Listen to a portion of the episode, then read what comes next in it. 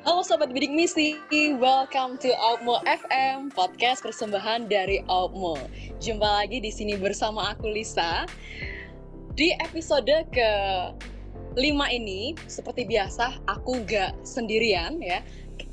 Karena di sini aku udah ditemenin sama seseorang yang luar biasa sekali, yang bakalan menebarkan inspirasinya ke kita semua nih, Sobat Bidik Misi. Hmm, jadi langsung aja ya, aku sapa dia. Halo Ariel, selamat datang di Outmo FM. Halo Lisa, selamat datang. Oke Ariel, ini terima kasih banyak loh ya udah nyempetin waktunya buat hadir di Outmo FM ini. Wah, iya iya. Nggak terlalu sibuk juga kok akhir-akhir ini. Oke, alhamdulillah deh. Ini jadi tepat sekali nih Outmo FM ngundang kamu hari ini. Baiklah ini kenalan dulu dong Ariel ke Sobat Bidik Misi. Siapa sih uh, kamu sebenarnya gitu. Oke, iya baik kenalin aku Ariel uh, buat sobat-sobat bidik misi kenalin aku Ariel Tadi Darmawan bisa dipanggil Ariel. Asalku dari Kabupaten Blitar aku dari Fakultas Hukum Angkatan 2019 nah di misi ini sendiri uh, Alhamdulillah aku mendapat amanah untuk bergabung di dalam staf kewirausahaan uh, AUPMO periode 2020 ini. Jadi uh, aku di AUMO menjadi staf kewirausahaan yang kemarin juga sempat mengadakan broker uh, brokernya itu adalah Kuba itu sendiri gitu. Itu Kak Lisa. Wah, oke okay. itu dia ya sosok Ariel ya di uh, di Kuba kemarin yang ternyata memang Ariel ini merupakan salah satu staf dari kewirausahaan. Nah, sekarang kita akan uh, kenal lebih dekat dong dengan sosok Ariel ini di Mo FM ini tentunya. Oke, ini uh, soal kabar ini gimana nih kabarnya Ariel? Oh iya, alhamdulillah sehat ini. Ini sibuk akhir-akhir ini cukup sibuk meskipun nggak uh, terlalu sibuk juga gimana ya. Jadi uh, akhir ini akhir-akhir ini dapat amanah buat jadi panitia pemilihan umum fakultas. Jadi besok ini akan mengadakan pemira kan di Fakultas Hukum ini. Jadi uh, lumayan sibuk juga. Tapi alhamdulillah uh, sejauh ini juga sehat selalu Lisa. Lisa gimana ini? Alhamdulillah. Iya, aku juga um, alhamdulillah baik dong pastinya, tapi ini juga sibuk di organisasi OMO ini juga, terus di organisasi lain ini masih korek-korek berita gitu ya, soalnya lagi Wah. gabung ke jurnalistik gitu. Mantap, ya aku sering lo lihat itu Lisa sering ya upload apa itu di storynya Lisa itu kan ada berita-berita terkait dengan pemira, terkait dengan uh, sesuatu yang terjadi di kampus itu sendiri sering ya Lisa ya? Iya, hari ini kayaknya baca tulisanku ya ini masih banyak loh ya. Bagus, aku lihat itu menarik pembawaannya sudah kayak ya pokoknya kayak apa itu reporter handal beneran gitulah. Aduh, Oke, seneng banget. ya ampun. Aduh, oke okay, terima kasih banyak loh ya. Ini jadi Ariel tuh sibuk juga ya di organisasi lain selain Aukmo itu sendiri. Jadi sekarang lagi nyiapin pemiranya Fakultas Hukum gitu ya? Ya, uh, ya gitu juga uh, selain itu juga kalau dibilang sibuk ya ada sih beberapa teman-teman yang lebih sibuk pasti ada lah. Cuman uh, kalau organisasi aku ada di apa itu masyarakat juris muda Erlangga yaitu badan semi otonom atau jenis kayak BS BSO itu ya kalau disingkat di Fakultas Hukum itu itu terkait dengan yang mengi bidang dan juga bidang uh, LKTI. Kemudian juga selain itu aku juga bergabung di Airlangga Debating Society itu menaungi debat uh, debat bahasa Inggris maupun debat bahasa Indonesia di tingkat universitas yaitu itu sendiri ADS merupakan UKM di UNER ini sendiri gitu. Jadi kalau di MIMA aku alhamdulillah juga dapat divisi internal seperti PSDM gitu. Kalau di ADS ini juga aku dapat divisi uh, PSDM pengembangan sumber daya mahasiswa itu. Nah, alhamdulillah yang ketiga di AUPU ini ada di kewirausahaan itu tadi ya. Aduh, mantap bener ya. Ini banyak sekali organisasi yang diikutin Ariel sendiri. Nah, jadi gini sih, uh, Sobat Bidik Misi, kalau Ariel ini merupakan salah satu uh, mahasiswa bidik misi berprestasi di Universitas Erlangga. Tadi udah dipaparin ya bagaimana uh, organisasi yang diikutin itu ya dari kayak organisasi debat gitu, ADS Unair, terus kemudian di organisasi uh, fakultasnya juga dan juga di AUPMO itu dan gak hanya aktif di organisasi aja nih Ariel jadi Ariel ini uh, merupakan salah satu mahasiswa berprestasi di bidang akademik juga nih Jadi kemarin aku sempat stalker-stalker IG-nya Ariel juga nih buat bahan materi buat bahan materi podcast ini Real. Jadi kemarin aku tahu kalau Ariel itu juga merupakan salah satu duta genre ya, duta genre Jawa Timur. Bener gak Ariel? Iya bener-bener. Oh, itu Lisa, panggilnya kalau di genre itu manggilnya kita nggak genre gitu ya. Mungkin sedikit membenarkan terkait dengan pembagiannya adalah penyebutannya adalah genre ya, generasi berencana. Oh oke, okay. maaf Real. Jadi duta genre Jawa Timur juara ketiga nggak sih kalau nggak salah? Ya, alhamdulillah ya juara tiga kemarin lombanya di perwakilan BKKBN yang kantornya ada di utaranya kampus B itu. Nah itu tanggal 5 Agustus itu grand final di situ. Gitu. Jadi lumayan ketat sih kemarin alhamdulillah tapi juga masih bisa tersangkut di nomor tiga ini. Sebenarnya uh, alhamdulillah seneng juga sih. Hmm, oke. Okay. Selain itu juga sebelumnya jadi duta genre, oh maksud saya duta genre di Kabupaten Blitar ya? Ya, apa itu? Uh, jadi awalnya gini, aku ikut genre itu sejak dari SMP. Jadi sejak kelas 2 SMP dulu udah ikutan. Terus aku pertamanya cuma ikut-ikut workshop gitu sih, cuma ikut pengen kepo nih apa nih genre gitu. Aku coba ikut. Kemudian uh, ternyata kok bagus juga. Apa itu programnya itu menginspirasi remaja, kemudian juga memberikan uh, menjadi berusaha untuk apa ya istilahnya kita itu berusaha untuk berkontribusi kepada sesama remaja baik itu melalui konselor baik itu melalui uh, memberikan pendidikan sebaya terkait dengan triad KRR dan sebagainya. Jadi dari situ aku mulai memahami oh ternyata genre itu juga bagus juga buat perannya juga bagus buat para remaja. Dan itu dari situ aku mulai tertarik terus SMA aku ikutan aku SMA ternyata ada ada lagi terus oh ya udahlah aku ikut lagi gitu. Ternyata juga sama kok makin suka gitu akhirnya makin sering juga gitu kan. Uh, dari situ akhirnya ada seleksi di tahun 2019 kemarin di bulan September itu aku akhirnya lihat aku juga stalking dong. Aku suka stalking orangnya jadi aku aku buka itu Instagramnya Instant Genre aku oh ada seleksi gitu. Jadi ada uh, ada seleksi pemilihan duta genre tahun 2019 aku akhirnya aku aku pantengin aja nih kira-kira kapan ya dibuka ya gitu kan masih apa itu masih uh, akan diadakan gitu kan masih belum ada tanggal pasnya gitu. Nah aku akhirnya stalking terus aku ikutin. Ternyata uh, ada ada tanggalnya di bulan September tahun 2019 itu. Nah itu akhirnya aku ikut. Aku bela-belain waktu itu. Aku masih di Surabaya ya. Waktu itu posisi lagi di Surabaya uh, lagi apa ya masih adaptasi gitu kan masih maba juga masih belum terbiasa uh, buat pulang pergi buat buat uh, nyiapin kebutuhan-kebutuhan juga masih belum terlalu terbiasa. Jadi ya perlu penuh dengan perjuangan dan bahkan kalau boleh cerita dikit nih Lisa ya. Terkait dengan dulu aku waktu pulang apa itu pulang ke Blitar itu waktu mau waktu ikut seleksi dulu itu uh, aku kan naik bis aku dulu masih belum naik motor aku naik bis itu uh, sempet tidur di terminalnya juga. Jadi karena nggak dapet bis aku sampai ke Malang kan jadi naik bis dari terminal Bungurasi Surabaya ke terminal Arjosari itu terus habis itu sampai uh, di Malang itu ternyata kemalaman. Jadi bis arah Blitar nggak ada. Akhirnya aku tidur di situ sampai paginya. Paginya aku langsung ikut acara itu. Jadi kayak uh, penuh perjuangan banget sih di genre ini. Dan alhamdulillah juga uh, bisa banyak belajar dari teman-teman genre ini sendiri di mana kita itu juga dari di genre ini kita belajar tentang soft skill, tentang life skill terkait dengan triad KRR, kemudian juga bagaimana cara kita itu uh, menjadi remaja yang bisa menginspirasi bagi rekan saya. Kayak gitu Lisa. Waduh Ariel, jadi kamu share juga soal perjuangan kamu ya, yang ternyata nggak mudah buat dapetin itu semua gitu loh. Jadi ada prosesnya dan juga hmm, warna-warni perjuangannya di situ. Aduh gila keren sekali sih. Dan uh, hanya jadi duta gen, aduh salah terus ya aku nyebutnya. Dan gak apa-apa, gak apa-apa. Dan gak hanya jadi duta genre aja nih si Ariel. Jadi dia itu uh, juga barusan menang lomba debat nggak Cyril?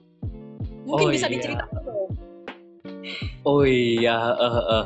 ini Kak Lisa tahu banget nih. Iya, kemarin itu sempat ikut lomba debat sih. Jadi awalnya kan aku ikut ADS itu sejak uh, dari bulan Januari 2020 kemarin gitu. Itu ikut kepengurusan di uh, bidang PSDM. Alhamdulillah sih keterima cuman awalnya emang gini sih awalnya aku nggak sempet ikutan uh, lombanya gitu jadi kayak lomba debat itu aku masih belum sama sekali ikut selama sampai 10 bulan gitu aku di ADS masih cuma sekedar panitianya aja gitu jadi kayak uh, jadi ketua pelaksana uh, si jadi si acara, jadi ketua pelaksana, magang, kemudian dan sebagainya.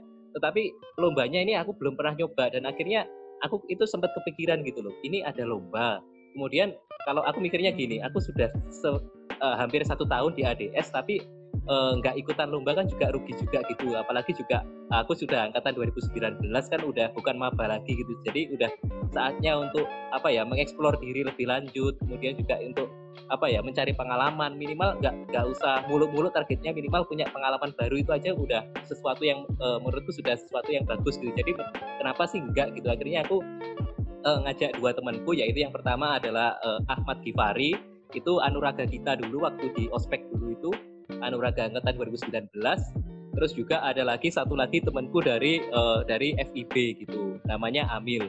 Nah, jadi kita bertiga ini awalnya cuma berangkatnya ini awalnya cuma apa ya istilahnya ya, cuma ya pokoknya asal-asalan lah kita nggak target menang nggak nggak target apa pun itu. Yang penting kita ber, berproses kita dapat pengalaman. Kalau menang ya itu bonus gitu. Jadi dari situ akhirnya ya udah deh nekat aja gitu. Ikut lomba debat di FISIP eh, yang diadakan sama BEM FISIP UNJ gitu. Lombanya ini tingkat nasional sih. Alhamdulillah juga Nah, aku uh, pertama-tama kita itu nggak terlalu apa ya, nggak terlalu ahli juga sih, masih uh, sambil belajar juga gitu, sambil beberapa kali latihan gitu, latihan sampai larut malam sampai jam 11 malam gitu. Jadi mulainya jam berapa ya? Mulai jam setengah tujuh gitu, selesainya jam 11 malam, hampir setengah 12 gitu. Jadi kayak uh, apa ya? Kita nekat gitu lah, bukan nekat ya, istilahnya kayak apa ya, maksimal gitu, all out gitu pas waktu latihannya gitu. Jadi terus kemudian besoknya waktu tanding itu kita pertamanya juga nggak terlalu bagus juga sih. Maksudnya menang tipis menang tipis gitu. Terus kita itu uh, kagetnya waktu gini waktu penyisian ke semifinal gitu. Jadi waktu semifinal kemudian loh, kok ada nama kita? gitu. Kita seneng banget terus juga besoknya kan dilanjutkan besoknya gitu masuk ke semifinal dan akhirnya kita dapat juara tiga. Dan itu merupakan apa ya pengalaman pertama dan juga bisa dapat juara tiga. Wih alhamdulillah banget sih gitu. Ya ampun jadi itu tadi uh, pengalaman pertama ya. Tapi kamu udah udah menang gitu Rel ya ampun. Itu apa ya? Jadi bisa jadi pecutan semangat gitu nggak sih buat ikutan lomba debat selanjutnya? Soalnya pengalaman pertama aja udah juara. Gimana nanti ke jenjang-jenjang selanjutnya kan pasti lebih besar lagi kan kesempatannya. Keren banget Amin, sih Amin gitu. Iya. Ya, jadi uh, sebenarnya masih banyak sih prestasi-prestasi yang diraih Ariel. Uh, mungkin ini sobat bidik misi bisa lebih tahu ya lebih kenal dekat dengan Ariel ini mungkin bisa cek di Instagramnya Ariel tadi. Ini mungkin kamu juga bisa dapat follower banyak nih. Apa nih Riel? Oke, bener banget nih, bener nih. Aku suka nih kayaknya Kak Lisa nih. Itu dong. Aku jadi bisa uh, teman-teman nanti uh, apa ya kita bisa sharing-sharing. Aku juga pengen nambah kenalan, nambah koneksi nih bisa uh, follow nanti aku follow back deh. Nanti follow Instagram Ariel underscore Ciptadi, Ariel underscore Ciptadi. Jadi di situ nanti uh, ada, apa ya ada beberapa video terkait dengan genre. Barangkali teman-teman yang pengen berkarir di genre juga ada di situ. Kemudian juga ya ada beberapa postingan-postingan sederhana sih, nggak nggak terlalu bagus juga penataan fitnya. Tapi nanti kita bisa siapa tahu kita bisa bisa uh, menjalin silaturahmi dan juga nanti bisa kerjasama nih ke depannya gitu. Follow ya Rek ya. Oke, jangan lupa follow tuh ya. Udah dikasih tahu uh, nama Instagramnya. Kemarin aku juga sempat buka IG kan. Nah di situ uh, aku lihat di beranda ada postingannya Arbivan Almo yang mengumumkan soal uh, Bidik Miss Award. Nah ternyata aku lihat di situ ada nama kamu loh, Ril. Wah, Duh, selamat ya Ril ya. Kemarin udah menang juga di Bidik Misi Award. Ya ampun. Itu gimana tuh? Kalau boleh tahu mekanismenya mungkin bisa jadi uh, inspirasi buat sobat Bidik Misi selanjutnya buat apa ya? Buat jadi seperti Arif tadi di Bidik Misi Award gitu. Waduh, Kak Lisa ini terlalu memuji deh. Enggak sih, ya alhamdulillah juga sih sebenarnya senang senang banget bisa dapat kesempatan dan juga jujur sih kalau dari aku pribadi nih nggak terlalu menyangka ya. Maksudnya kayak pasti kan apa ya uh, dengan kan kita juga masih coba-coba gitu tapi alhamdulillah juga uh, dapat kesempatan gitu jadi sebetulnya gini aku awalnya dari apa itu itu kan ngefollow IG-nya apa itu Aupmu juga kan. Pasti kita semua udah ngefollow kan ya. Nah itu aku lihat ada di story-nya itu ada yang namanya uh, Bidik Misi Award. Nah aku itu kebetulan aku kepo aku kepoin juga. Jadi aku ini jujur ya orangnya aku, aku ini suka kepoan kalau ada sesuatu gitu. Pasti aku uh, aku telusuri lebih lanjut aku lihat dulu kira-kira nanti uh, ada kesempatan atau enggak kira-kira nanti uh, ada yang bisa dilakukan atau enggak gitu jadi aku lihat di Instagramnya ternyata uh, di situ ada uh, salah satu event kita yaitu uh, Bidik Misi Award itu sendiri nah Bidik Misi Award ini sebenarnya uh, merupakan program yang diadakan dari tahun ke tahun kan. Jadi aku lihat di situ persyaratannya seperti apa nih gitu. Jadi kita nanti uh, ngisi G, di G-form, kita mengisi G-form dengan uh, kita upload uh, sertifikat-sertifikat yang pernah kita miliki, juga kita uh, mengupload uh, tingkat-tingkatnya gitu kayak tingkat lombanya itu seperti apa, spesifikasinya istilahnya seperti itu. Jadi kita menginput data-data kita, kemudian juga menginput KTM kita, kemudian juga kita uh, ya menginput berbagai berkas yang lain gitu kan ya. Nah dari setelah aku input itu semua, uh, aku kirim deh.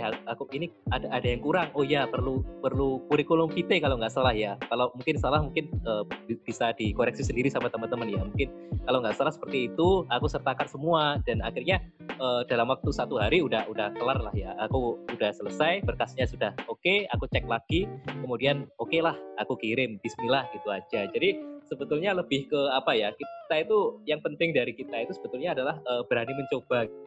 Melepas dari apa pun hasilnya gitu.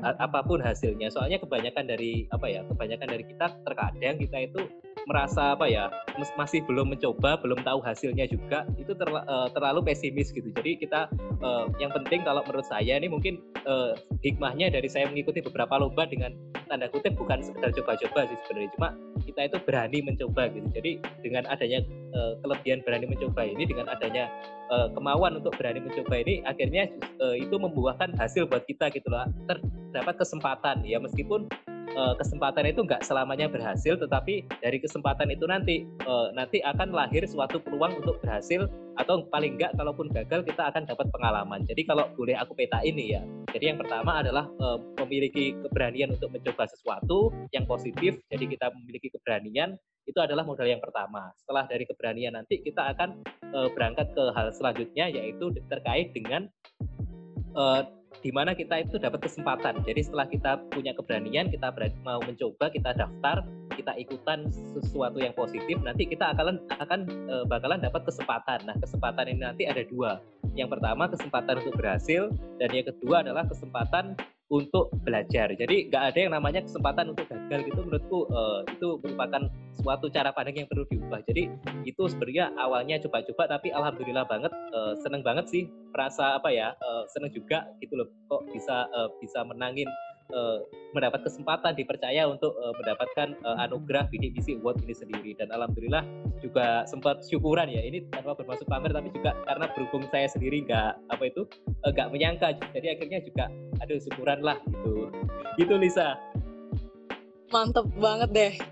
Jadi itu tadi uh, sedikit dipaparkan juga ya soal Misi Award itu gimana sih? Ini mungkin bisa jadi gambaran gitu buat sobat bidik misi yang masih belum tahu uh, soal bidik misi award jadinya tahun depan tahun 2021 uh, eh, kalian bisa nyiapin apa aja yang dibutuhkan di bidik misi award yang pastinya yang pertama adalah prestasi baik itu akademik maupun non akademik begitu ya. Jadi um, kali aja nama kalian itu bisa tercantum gitu loh di bidik misi award tahun 2021 kayak Bang Arya Ciptadi ini nih Oke, tadi udah disinggung juga ya soal um, gimana sih kalau kita ikutan suatu lomba-lomba gitu uh, yang di mana orientasi kita jangan jangan hanya pesimis dulu, tapi kita di situ ada suatu kayak kesempatan buat kita untuk belajar gitu loh. Nah sebenarnya ini yang mau aku tanyakan di di pertanyaan-pertanyaan selanjutnya Cyril, tapi nggak apa-apa sih kamu singgung di awal-awal tadi, mungkin nanti kamu bisa jelasin ulang lagi ya.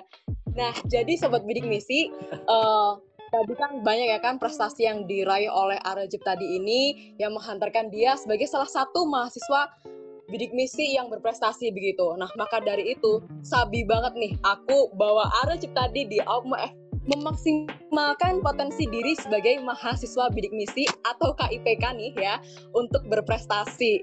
Nah, baiklah ini menurut Ariel sendiri nih, gimana sih ya kan caranya mahasiswa bidik misi itu yang notabene kita itu spesial gitu kan. Kita itu spesial ya. Kita nggak hanya terima duit buat apa namanya kuliah ini dan juga terima kuliah gratis. Jadi nggak hanya kuliah kuliah-kuliah gitu aja selesai enggak. Tapi kita juga sebenarnya sebagai mahasiswa bidik misi itu harus ngasih suatu feedback ya kepada bidik misi yang telah memberikan banyak hal kepada kita begitu. Nah maka dari itu uh, feedback yang kita berikan ini ya tidak lain ya prestasi begitu kan? Nah mungkin ini uh, menurut pandangan Ariel itu kembali lagi ke pertanyaannya gimana sih ya uh, mahasiswa bidik misi itu dapat memaksimalkan potensi dirinya sebagai mahasiswa bidik misi atau KIPK untuk terus berprestasi gitu Ril. Oke nih pertanyaannya sangat uh, berat sekali ya, sangat substantif, substantif dan juga memerlukan penjelasan yang sangat mendetail nih Lisa. Oke, uh, makasih pertanyaannya Lisa. Jadi ini sebetulnya juga aku pengen sedikit share ya barangkali kita uh, punya beberapa sesuatu yang bisa uh, kita diskusikan lebih lanjut.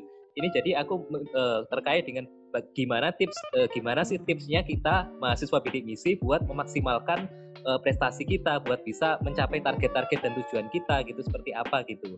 Nah, jadi yang pertama yang perlu kita lakukan adalah dengan mengenali diri sendiri. Jadi ini merupakan yang hal yang dasar yang harus dimiliki uh, oleh seseorang yang ketika dia ingin berproses dalam uh, berbagai hal. Jadi mau berkarir maupun mau ber apa ya istilahnya memiliki menjalin hubungan ataupun apa pun itu ya. Mungkin kita dalam berbagai bidang aspek kehidupan kita penting sekali untuk yang pertama-tama kita harus mengenal diri sendiri kita, mengenal diri sendiri. Jadi kita jangan sampai uh, mengenal orang lain, kita memahami orang lain, tetapi kita tidak uh, tidak memahami diri kita sendiri. Jadi bagaimana sih yang dimaksud dengan mengenal diri sendiri kan kita udah tahu nih nama kita siapa, umur kita berapa, lahir di mana kan udah tahu. Jadi yang dimaksud kenal di sini itu bukanlah kenal terkait dengan sekedar identitas, tetapi mengetahui lebih dalam kira-kira uh, apa saja kekurangan kita, apa saja ke, uh, kelemahan-kelemahan kita, terus kemudian apa saja potensi-potensi yang kita miliki, kemudian apa hal-hal yang sekiranya kita itu lebih unggul dibandingkan teman-teman yang lain gitu. Jadi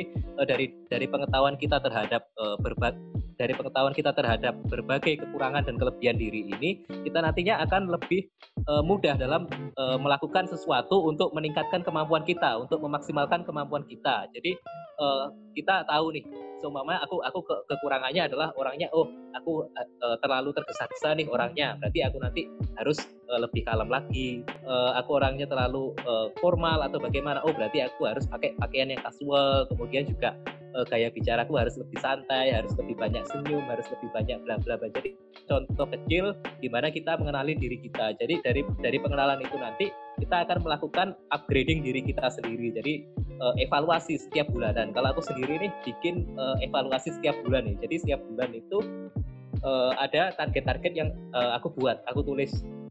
Jadi prioritasnya apa nih program kalau bulan September, seumpamanya bulan September ini prioritasnya adalah uh, uh, mengikuti berbagai perlombaan gitu seumpama gitu. Itu nanti ya itu harus diprioritasin jadi jadi uh, apa itu kekurangan-kekurangan kita di bulan sebelumnya itu bisa diperbaiki dengan adanya evaluasi itu sendiri. Kemudian seumpama di bulan Oktober nih aku mau memperbaiki uh, kegiatan berorganisasi. Aku mau mau tingkatkan lagi nih jadi aku mau selesaikan tugas-tugas ini bla bla bla. Nah itu dari situ nanti kita tahu oh target kita terukur. Jadi kita uh, bisa menjadwalkan secara lebih rinci dari uh, berbagai pengetahuan dari berbagai apa ya uh, pemahaman kita terhadap diri sendiri. Kemudian oh aku kurangnya ini aku perlu meningkatkan ini lagi. Aku manajemennya seperti ini. Jadi terkait dengan pengenalan diri ini nanti akan membawa ke akan berlanjut ke aspek manajemen diri. Jadi manajemen diri itu bagaimana cara kita mengarahkan diri kita untuk mencapai sesuatu tujuan dalam jangka dekat maupun dalam jangka panjang itu sendiri. Jadi uh, yang pertama mengenali diri sendiri nih. Terus yang kedua setelah itu ketika kita sudah mengenali diri sendiri, tinggal kita lanjut ke manajemen tadi. Bisa bikin target, bisa bikin uh, apa itu introspeksi diri. Jadi kadang juga aku menulis, oh aku minggu ini terlalu uh, terlalu tegang, terlalu banyak pikiran, terlalu banyak uh, tugas, terlalu banyak deadline. Oh berarti aku harus melakukan ini ini gitu jadi aku harus banyakin nonton film nih akhir-akhir ini. Atau mungkin uh, aku terlalu santai berarti aku harus agak ngebut. Jadi uh, ada evaluasi ada upgrading. Jadi dari situ itu adalah langkah kedua terkait dengan manajemen diri. Nah selain manajemen diri sendiri ada juga manajemen terkait dengan manajemen juga sih sebenarnya. Hampir sama yaitu manajemen pikiran. Jadi uh, pikiran ini memiliki keunikan di mana kita itu uh, ketika kita memiliki uh, cara berpikir, cara berpikir kita itu menentukan uh, kalau menurut aku ya ini ya, kalau secara pribadi aku menilainya cara berpikir kita itu menentukan uh, jalan hidup kita. Jadi ini uh, terlepas bukan bukan bermaksud uh, takdir bukan ya. Ini tidak membicarakan masalah takdir, cuman hanya uh, begini cara berpikir kita menentukan apa yang kita dapatkan. Jadi kalau seumpama kita ini uh, harus uh, memahami tentang uh, psikologis diri sendiri. Jadi jangan sampai kita itu uh, terlalu apa ya, terlalu tertekan, jangan sampai kita itu terlalu santai atau terlalu ya pokoknya semuanya harus kita kontrol dengan baik. Jadi bagaimana cara kita itu uh, mengendalikan emosional kita, bagaimana cara memanage pikiran kita supaya tidak terlalu banyak negatif thinking dan juga bagaimana cara kita uh, bisa fokus kepada hal-hal yang positif, kepada hal-hal yang uh, sifatnya itu membangun, jadi tidak destruktif seperti itu. Jadi kita itu lebih konstruktif lagi. Jadi uh, dari manajemen pikiran ini aku kasih contoh ya, seumpama kalau kita bisa memanajemen pikiran dengan baik itu kan pastinya uh, kita seumpama nih ada ada teman kita yang yang seumpama ya seumpama ini contoh aja ada yang oh nggak uh, nggak ngasih kritikan yang mungkin agak pedas atau mungkin uh, ngasih masukan yang mungkin agak berat untuk kita.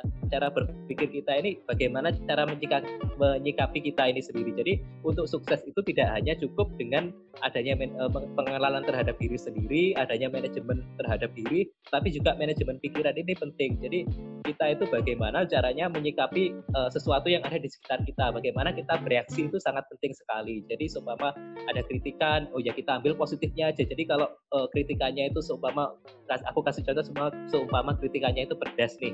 Seumpama kayak gitu ya kita dengerin aja dulu. Oh gitu. Terus uh, jangan diinget-inget jangan diinget-inget uh, kritikan yang pedas itu tapi kita ambil ke substansinya. Dia itu poin-poinnya apa aja sih yang disampaikan? Dia itu terlepas dari uh, berbagai kritik yang mungkin agak kurang enak didengar tapi kita tahu oh jadi kita itu intinya dia mau menyampaikan kalau kita itu uh, sebaiknya begini gitu. Oh ya sudah oke okay lah baik terima kasih gitu. Jadi dengan itu kita lebih bisa santai bisa lebih happy dan juga permasalahan-permasalahan ini perlu kita kotak uh, kita apa ya kita strukturkan jadi jangan sampai uh, terlalu menumpuk ada banyak permasalahan dan kita nggak bisa selesaikan itu juga akan menghambat kita untuk memaksimalkan potensi diri kita jadi kita harus memahami pokok-pokok persoalan oh ini aku permasalahannya ada di akademis, aku permasalahannya ada di non akademis, aku permasalahannya ada di komunikasi, aku permasalahannya ada di ada di penampilan dan sebagainya. Jadi jadi dari situ kita harus uh, sebaiknya kita itu uh, memiliki uh, bagaimana cara menyikapi yang baik gitu. Jadi kita nggak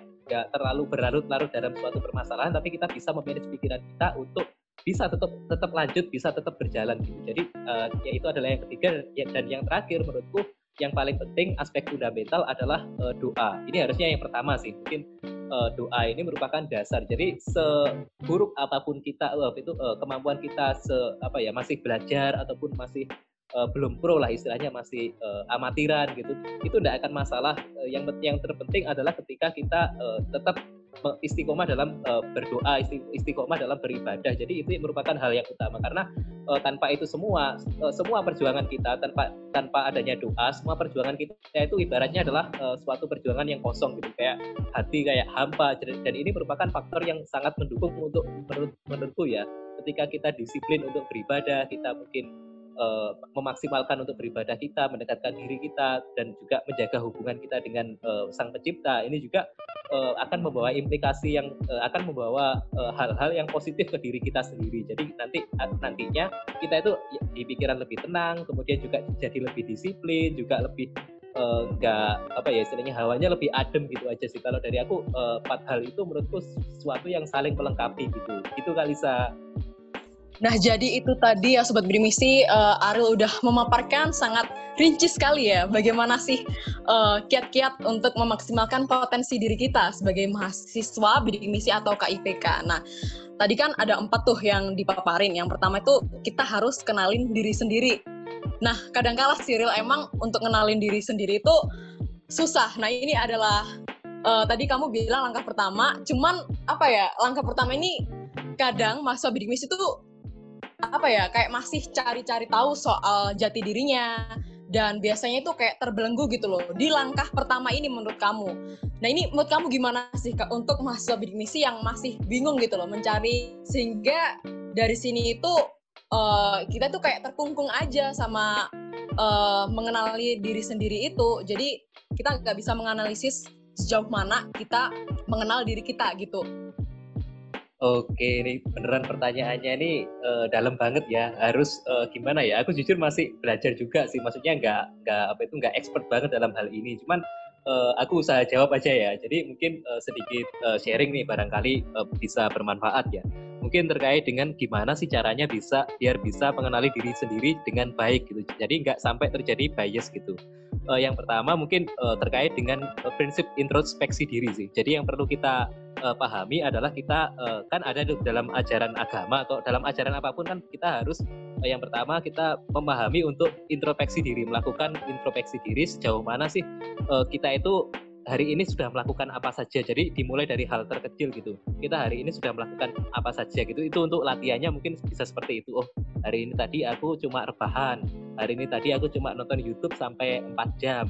Hari ini tadi aku cuma uh, stalking stalking IG mantan. Jadi kayak seumpama seperti itu ya. Jadi uh, dimulai dari kebiasaan mengintrospeksi diri sendiri dan juga yang yang uh, terkait dengan uh, kemampuan introspeksi ini sendiri itu memang harus dilatih sehingga bisa untuk langsung tiba-tiba kita jadi orang yang bisa benar-benar uh, objektif tanpa melibatkan subjektivitas kita nggak bisa sih. Emang pasti awalnya juga sering uh, lebih dominan subjektivitas kita gitu kan. Karena lebih gampang untuk menilai orang lain dibandingkan untuk menilai diri sendiri sih. Kalau menurutku juga seperti itu. Nah jadi uh, yang pertama adalah membiasakan dengan hal-hal kecil dulu terus juga kita membiasakan diri untuk uh, objektif. Jadi kita uh, dalam beberapa hal kita memang harus melibatkan emosional tetapi dalam beberapa hal tertentu kita juga harus uh, sedikit mengurangi presentase emosional kita untuk uh, mengatasi hal-hal tertentu untuk melakukan hal-hal tertentu jadi kita mening, uh, fokusnya meningkatkan ke apa itu objektivitas kita jadi emosional kita itu lebih uh, dikurangi dikit terus juga kita kita tingkatkan terkait dengan uh, logika terkait dengan objektivitas. Jadi itu adalah uh, cara kita. Jadi jangan terlalu terbawa perasaan suka atau tidak suka, perasaan uh, senang atau sedih, perasaan apa ya gembira atau atau susah gitu. Uh, mungkin jangan terlalu ter, dalam beberapa hal ya, dalam beberapa momen uh, saat kita perlu, mungkin hal-hal seperti itu perlu kita singkirkan sedikit, kita sisihkan sebentar. Hal-hal seperti itu jadi nanti dari situ kita akan belajar objektif. Jadi kita itu tidak uh, menilai sesuatu berdasarkan suka atau tidak, menilai sesuatu berdasarkan senang atau sedih. Tapi kita dari objektivitas itu kita bisa menilai sesuatu itu berdasarkan oh alasannya adalah ini ini ini. Alasannya oh dia benar karena ini, karena dia sudah berusaha melakukan yang terbaik. Oh aku salah karena ini, karena aku harusnya uh, harusnya menepati janji nih. Harusnya kalau sudah janjian ya harusnya eh, nggak uh, boleh ingkar dong, nggak boleh membatalkan janji secara sepihak, bla bla bla. Jadi uh, dari situ kita dengan mengurangi subjektivitas kita dalam hal, hal uh, dalam posisi-posisi posisi tertentu kita akan lebih objektivitas kita yang meningkat itu kita nanti akan lebih mudah untuk melakukan introspeksi diri. Jadi untuk mengenali diri yang pertama introspeksi diri. Terus juga uh, kalau kita udah terbiasa dengan uh, introspeksi diri dalam jangka harian atau mungkin dalam jangka mingguan atau mungkin dalam jangka uh, bulanan evaluasi evaluasi sudah bisa kita lakukan kita nanti bisa mencoba kita memikirkan aku ini uh, berinteraksi dengan lingkungan seperti apa? Uh, saya berinteraksi dengan lingkungan apakah sudah uh, cukup baik? Apakah saya bisa menjadi orang yang bertanggung jawab? Apakah saya sudah menjadi sosok yang bisa humoris? Apakah saya menjadi sosok yang uh, berwibawa atau dan sebagainya? Jadi uh, berbagai hal-hal tersebut kita bisa menilainya dari apa itu selain dengan introspeksi diri sendiri kita bisa lebih mudah uh, memperbandingkan hubungan kita. Kita bisa melihat hubungan kita dengan orang lain. Apakah orang-orang lain itu uh, menilai kita itu seperti apa hubungan kita apakah sudah dekat ataukah sekedar sebatas formalitas belaka dan sebagainya jadi dari situ kita paham oh berarti aku yang perlu aku perbaiki ini aku yang perlu aku tingkatkan ini lagi jadi selain itu juga terkait dengan uh, interaksi dengan orang lain ini kita juga bisa belajar nih dari orang lain kita bisa tanya.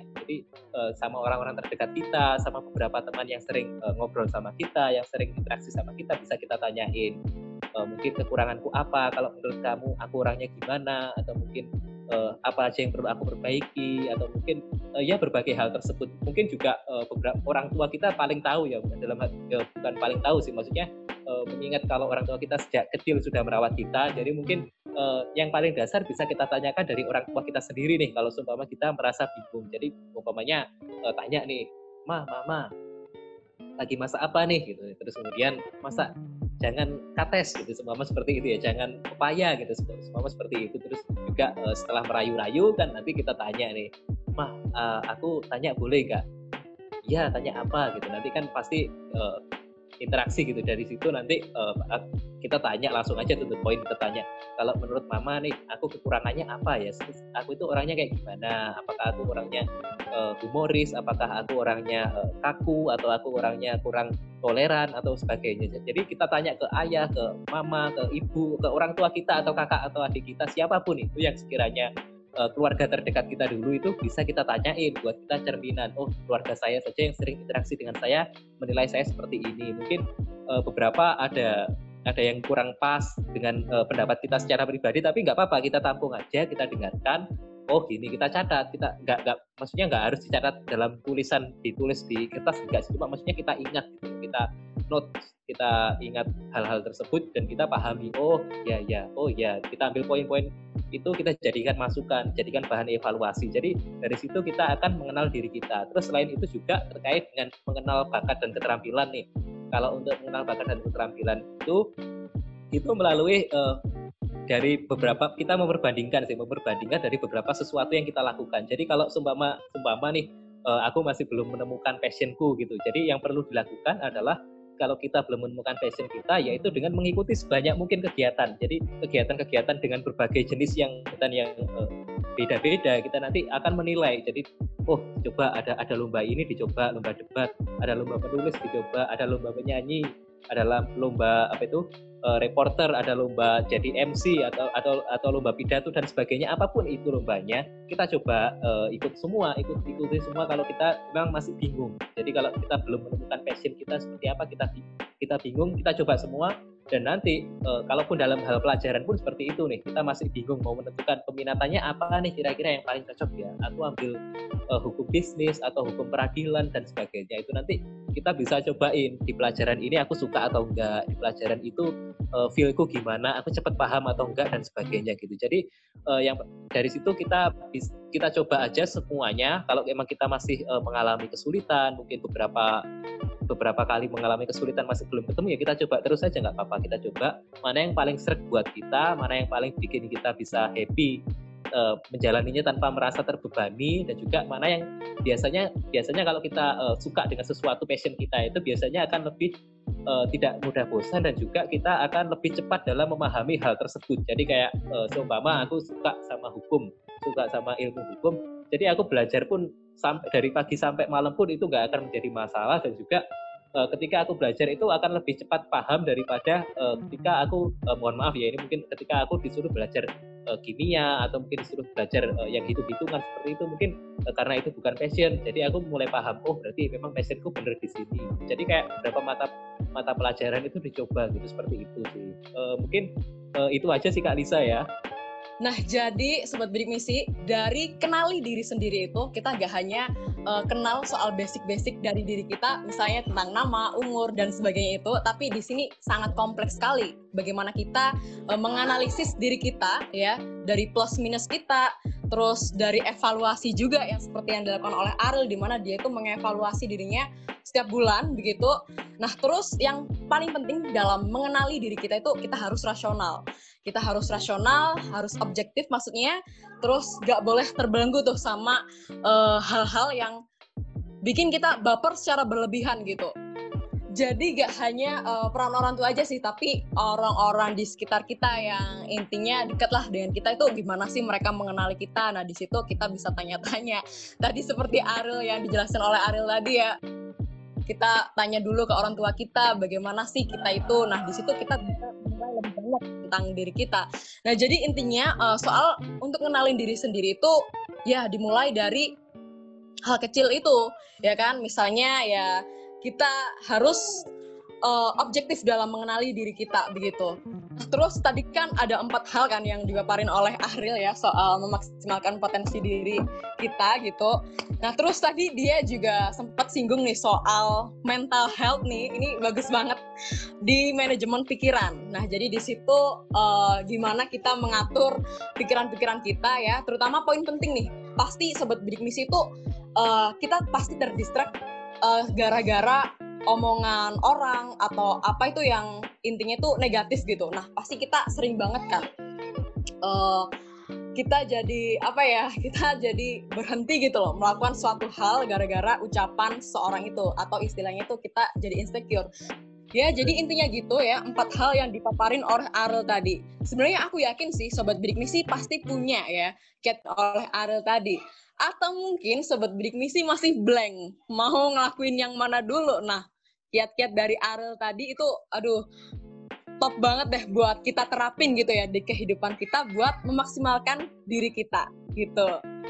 Oke Ariel, jadi di sini aku mau tanya juga nih, kan dari kenalin diri sendiri tadi, menurut aku penting juga tuh soal passion ya dan motivasi. Jadi kamu tadi udah jelasin soal passion dan motivasi ya uh, untuk sebagai sebagai hal pertama yang kita lakukan untuk uh, berprestasi begitu ya. Jadi menurut aku passion sama motivasi ini merupakan hal yang penting begitu. Nah, dari Ariel Ciptadi sendiri nih, gimana sih passion dan motivasi yang kamu tanamkan untuk diri kamu sendiri begitu? Mungkin bisa share dong ke kita. Oke, ini terkait dengan motivasi nih. Eh, BTW ini aku juga nanti boleh dong tanya tanya sama Kak Lisa nih biar ada feedbacknya. Aku juga kepo loh ini. Oh, boleh banget dong Ariel. Oke, oke. Jadi setelah aku jawab nanti uh, aku juga juga boleh tanya ke kamu ya. Jadi gini, kalau terkait dengan motivasi nih, itu sebetulnya motivasi kan uh, secara umum aja yang banyak kita pasti kita pahami adalah motivasi ada dua yaitu internal sama eksternal. Jadi internal itu dari diri kita sendiri uh, tidak terpengaruh oleh lingkungan yang ada di luar di sekitar kita, tidak terpengaruh oleh sesuatu yang ada di luar diri kita. Nah, kemudian yang kedua adalah motivasi eksternal, yaitu motivasi yang datangnya dari sesuatu yang di luar diri kita sendiri. Jadi eh, berupa suatu eh, rangsangan-rangsangan ataupun berupa suatu pemicu-pemicu tertentu untuk diri kita untuk eh, melakukan sesuatu yang mendorong diri kita untuk melakukan sesuatu itu sendiri. Jadi dari dasar ini kalau dari aku sendiri nih yang yang sejauh ini sampai aku saat ini kenapa kok termotivasi itu karena uh, dulu waktu aku apa itu waktu masih uh, waktu umur lima tahun ya sekitar lima tahun ini aku sedikit cerita aja.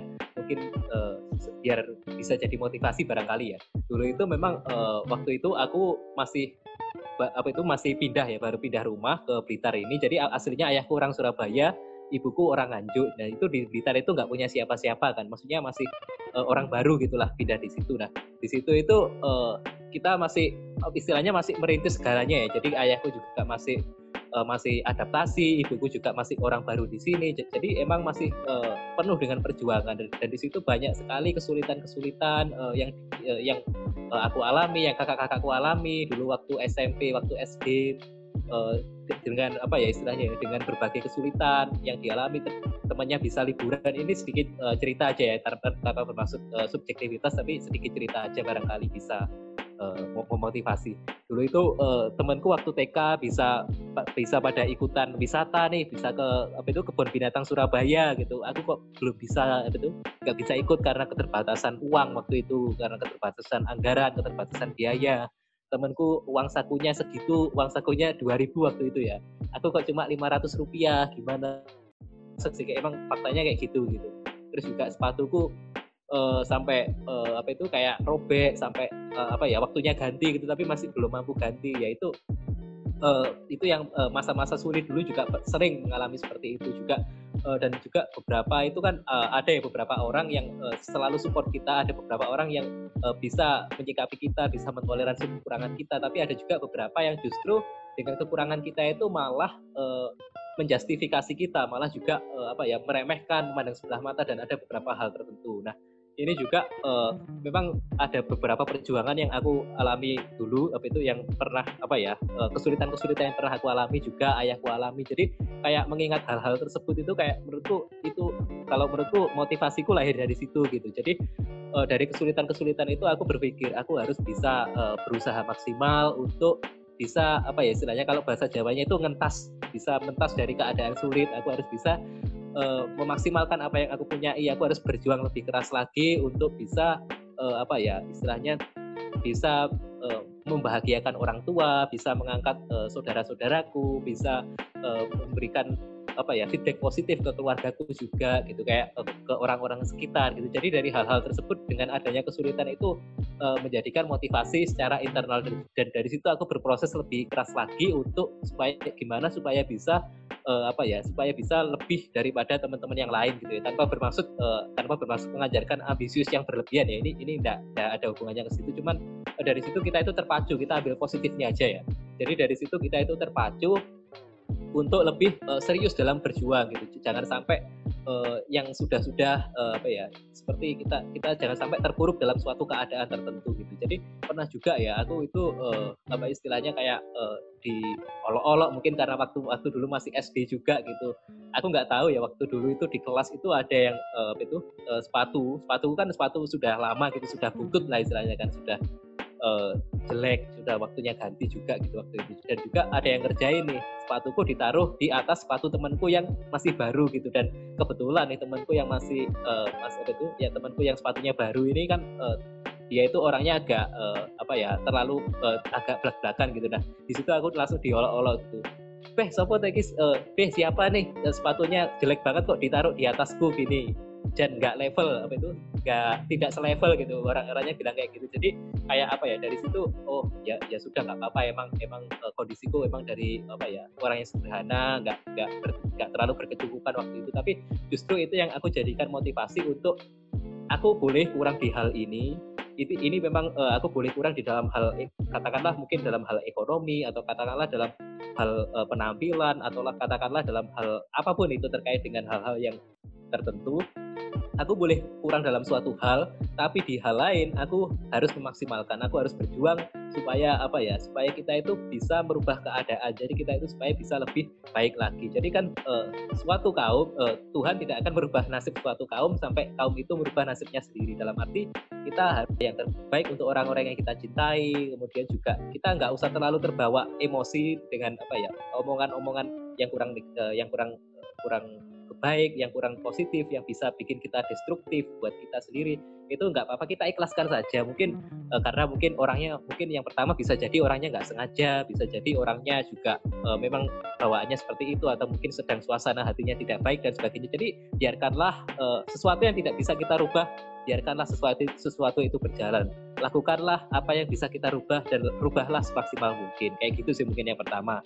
Kemudian juga uh, selain itu motivasi itu sendiri kalau uh, boleh sedikit jujur sederhana banget motivasiku untuk saat ini yaitu yang pertama uh, sederhana banget motivasiku untuk saat ini yaitu ingin membahagiakan orang tuaku ingin membuat orang tuaku itu nanti bisa apa ya istilahnya kayak bisa menikmati hidup yang di masa tua yang indah bisa jalan-jalan, bisa pergi liburan tanpa bermaksud kapitalis dan materialis ya enggak ya. Cuman maksudnya ingin membahagiakan dengan apa pun itu uh, semaksimal yang aku bisa, ingin merawat orang tuaku di hari tua dengan maksimal, kemudian juga uh, membantu adik-adikku, kemudian juga membantu saudara-saudaraku yang mengalami kesusahan, bahkan mungkin uh, paling mudah adalah uh, yang paling luas nanti kalau setelah itu semua tercapai nanti uh, penginku juga ingin bisa mengangkat orang-orang yang seperjuangan dengan aku dulu. Jadi kan aku berasal dari orang yang susah dengan uh, masa masa yang cukup sulit di masa kecil masa kecilku juga cukup sulit.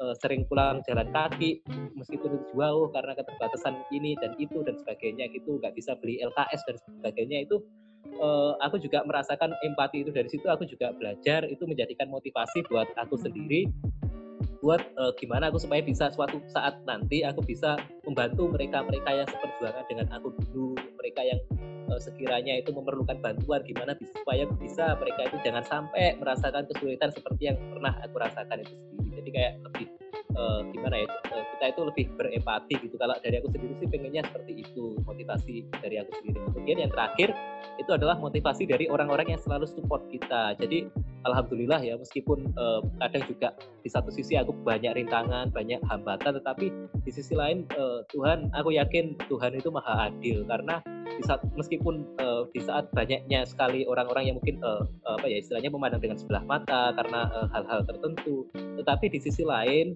uh, ada uh, imbalan bukan imbalan sih kayak apa ya ada penyeimbang dari Tuhan ada uh, kebaikan dari Tuhan ada berkah dari Tuhan berupa orang-orang yang mendukung dan uh, support dengan kita yang care dengan kita. Jadi kayak banyak keajaiban banget dalam hidupku ini yang uh, di mana orang-orang baik itu aku bisa bertemu dengan orang-orang baik yang itu bisa membantu. Jadi kayak dulu waktu S, S, eh, SMP waktu SMP itu juga uh, dipertemukan dengan uh, beberapa bapak ibu guru yang sekiranya itu uh, sering beliau itu membantu. Kalau seumpama aku kan dulu sering banget nih SMP nggak bisa beli detik-detik nggak bisa beli LKS nggak bisa beli dan sebagainya itu itu akhirnya uh, banyak juga orang-orang yang perhatian juga uh, itu uh, juga waktu SMA ini aku waktu SMA HP ku rusak nggak punya HP nggak punya laptop. Jadi kayak komunikasi itu sangat susah sekali waktu SMA itu. Jadi sering aku dulu juga sempat beberapa bulan awal itu karena HP rusak jadi nggak nggak ada WA ya. Akhirnya uh, salah kostum salah uh, salah pakaian salah informasi dan sebagainya itu kadang juga sering terjadi seperti itu. Jadi kayak ya memang susah seperti itu. Tapi alhamdulillah juga dipertemukan dengan ibu guru ada yang uh, bersimpati ada yang uh, peduli dan juga orangnya baik gitu. Jadi uh, beliau mendatangi saya terus kemudian juga tanya Ariel ini sebetulnya uh, gimana? Kamu ada kendala apa? Kira-kira bisa saya bantu dalam hal apa? Gitu. Terus saya sampaikan kendala aku kendala saya seperti ini bu karena sulit untuk komunikasi untuk mengerjakan tugas apalagi kalau dulu kan uh, kurikulum apa itu ada yang namanya K3 eh, K13 atau apa ya aku lupa itu ada yang namanya UKBM jadi kayak gitu sistem SKS gitu waktu dulu itu. Nah, itu kan juga perlu mengerjakan UKBM UKBM yang sifatnya harus diakses melalui online. Nah, itu aku menyampaikan seperti itu dan alhamdulillah beliau besoknya langsung uh, membawakan uh, eh, HP dari putranya dulu yang sudah nggak dipakai sama putranya itu HP, uh, HP sama juga uh, laptop. Jadi dua dua barang tersebut besoknya langsung beliau bawakan dan dipinjamkan. Ini Ariel, ini kamu pakai dulu untuk uh, biar mudah untuk mengerjakan tugas, biar nggak nggak sulit untuk komunikasi dan sebagainya gitu. Bahkan sampai HP itu rusak pun itu uh, aku sudah sempat uh, betulkan beberapa kali, tapi ada guru lain yang tanya juga Ariel kenapa kok akhir-akhir ini kok agak menurun prestasinya kok kayaknya kamu ngeblank seperti itu kenapa? Gitu. Jadi beliaunya tanya terus aku juga jelaskan ini juga terkait dengan hal tersebut. Memang kan kalau nggak ada internet itu memang susah ya karena juga uh, kita bayangkan aja kita nggak pegang HP dua hari gitu kan pasti waduh kita kayak sudah nggak apa itu nggak mengikuti eh, nggak ikut ke peradaban ini gitu ya kayak kita terasing ke gua gitu rasanya nah itu kan kayak gitu. Akhirnya beliau juga membantu alhamdulillah ada beliau yang lain membantu untuk uh, membetulkan HP itu sendiri. Jadi kayak banyak sekali orang-orang yang baik uh, yang membantu aku sejauh ini. Jadi itu merupakan salah satu hal yang patut aku syukuri dan jangan sampai dalam hatiku aku berkata jangan sampai aku membuat mereka kecewa. Jangan sampai aku menyia-nyiakan atau bahkan menyalahgunakan kepercayaan yang ada dari mereka uh, buat sekedar senang-senang dan sebagainya. Jadi dari situ kita timbul motivasi untuk uh, memberikan apa ya istilahnya bukan memberikan feedback ya terlalu terlalu materialis sekali kalau kita katakan feedback. Mungkin uh, bagaimana kita itu bisa membuat orang yang telah membantu kita itu bangga dengan kita membuat orang yang telah membantu kita itu uh, merasa tidak sia-sia bantuannya tidak menyesal merasa uh, merasa apa ya istilahnya merasa bahagia gitu bagaimana kita membuat mereka itu lebih bah, lebih bahagia daripada sebelumnya gitu. Jadi kayak apa pun semua orang yang baik dalam kehidupan kita ini harus kita usahakan kita berjuang untuk mereka untuk memberikan uh, apa ya untuk memberikan yang terbaik pula untuk mereka di kemudian hari ketika kita uh, sudah bisa melakukannya. Jadi kayak itu merupakan motivasi yang besar banget untuk uh, tercinta kita kita bayangkan perjuangan orang tua kita atau mungkin uh, ayah kita bagaimana, ibu kita bagaimana, adik kita itu uh, kesulitannya seperti apa. Itu dari hal-hal seperti itu kita uh, akan sangat termotivasi ketika kita meresapi uh, hal tersebut. Jadi dari situ aku termotivasi banget. Nah, tapi sebelum aku tutup nih, aku mau tanya dulu terkait dengan Kak uh, dengan Lisa sendiri nih. Kalau Lisa sendiri nih, kira-kira nih Lisa kan aku lihat nih MC-nya bagus banget nih. Jadi kalau dari Lisa sendiri pasti uh, ada berbagai perjuangan untuk sampai di titik uh, sebagai uh, jurnalis profesional gitu ya. Kalau aku bilang profesional sih, Lisa ini profesional dari segi bikin uh, berita, dari segi bikin uh, dialog, dari segi bikin uh, jadi kalau jadi pas jadi MC juga bagus. Nah dari hal-hal itu sendiri nih, uh, kalau Lisa sendiri nih uh, apa yang uh, gimana nih cara menemukan passion tersebut dan juga bagaimana mempertahankan motivasi untuk menggeluti passion itu nih. Kalau aku pengen dengar sedikit aja dari Kak Lisa, silakan Kak Lisa. Jujur aku, aduh, aduh ya ampun, sumpah aku rasanya tenggelam banget deh oleh cerita yang kamu bagikan ya. Ini tadi sangat memotivasi tentunya ya. Uh, mungkin gak hanya aku sendiri sih. Oke, terkait pertanyaan dari Ariel tadi ke aku, uh, gimana sih motivasi dari aku sendiri buat jadi kayak apa ya penulis tadi ya kan real gitu nggak sih real mungkin bisa di mungkin bisa diulangi sekali lagi nggak soalnya tadi kan nyambung sama penjelasanmu jadinya aku uh, karena masih terhanyut dengan ceritamu tadi jadinya nggak nangkep secara jelas Oke, okay, iya. Jadi aku penasaran banget sih sebenarnya Lisa ini kan, uh, aku kalau menurut aku ya, sosok Lisa ini merupakan orang yang uh, jurnalis yang handal gitu ya. Kalau aku lihat dari cara penulisan jurnalnya, dari cara penulisan apa itu uh, berita-beritanya, dari cara penulisan artikel-artikelnya, juga caranya membawakan diri sebagai MC yang uh, keren, yang apa itu membawa acara dia supaya bisa uh, jalan secara cair dan juga bisa bagus gitu. Aku kan melihat Lisa sebagai sosok yang uh, terampil dalam hal uh, jurnalistik lah katakanlah seperti itu. Nah, aku nih pengen tahu nih gimana nih awalnya Lisa sendiri bisa uh, mengasah keterampilan, mengenali keterampilan jurnalistiknya dan juga menemukan passion itu. Terus juga gimana nih caranya Lisa kok bisa konsisten dan juga sampai uh, menjadikan Lisa di titik ini sendiri gitu. Gitu Lisa. Oke Ariel, jadi uh, terima kasih sebelumnya ya Ariel. Tapi menurut aku itu apa ya? Kayak terlalu berlebihan jujur. Jadi sebenarnya Ariel, aku itu masih amatiran. Aku masih kelas amatiran, di mana aku tuh sebenarnya dalam proses belajar gitu. Nah jadi uh, passion aku sendiri itu memang dimulai dari kecil sih. Jadi waktu aku kecil itu suka banget baca koran. Jadi kayak koran-koran tuh suka banget gitu loh ya. Jadi uh, kayak seru gitu meskipun ya berita-berita tapi nggak tahu kenapa emang dari kecil aku suka banget baca bacaan-bacaan kayak gitu sampai setiap orang itu bilang ih kenapa sih kamu tuh baca gini-gini mulu? Ada apa menariknya? Coba gitu kan. Uh, jadi uh, aku nggak peduli sama omongan mereka yang penting ini kesukaanku gitu. Aku suka baca koran jadinya dari sini tuh aku mengenal jurnalistik lebih lanjut gitu. Jadi dari uh, mem suka membaca koran membawa aku suka terhadap jurnalistik sehingga mungkin di sini aku juga uh, punya punya suatu apa ya kayak suatu minat di jurnalistik ini sendiri sehingga di sini aku mengembangkannya lebih dalam lagi terutama di bangku perkuliahan ini nih. Nah terus soal yang MC sendiri itu sebenarnya dari kecil aku juga suka suka ngomong-ngomong sendiri gitu ya. Jadinya kayak ke bawah gitu loh. Uh, ke bawah dari SMP SMA itu biasanya kayak di apa ya disuruh guru salah satu guru gitu buat nge-MC Purnawidya dan sebagainya gitu. Nah Nah, terus di bangku kuliah ini aku melihat banyak sekali orang-orang yang sangat profesional dan handal ya dalam dunia jurnalistik ataupun dalam dunia public speaking begitu. Nah, ini menjadi suatu pacuan gitu, pacuan semangat aku. Wah, uh, mereka aja bisa gitu loh kayak gitu. Nah tentunya aku juga bisa dong. Nah caranya ya pasti uh, mengasah lagi gitu. Nah maka dari itu untuk mengasah ini aku menggunakan organisasi nih sebagai pengembangan soft skill aku. Di mana dari organisasi ini kan kita yang utama kan belajar ngomong kan. Nah di mana ngomong ini merupakan salah satu uh, yang harus kita kuasai gitu loh dalam suatu organisasi sendiri.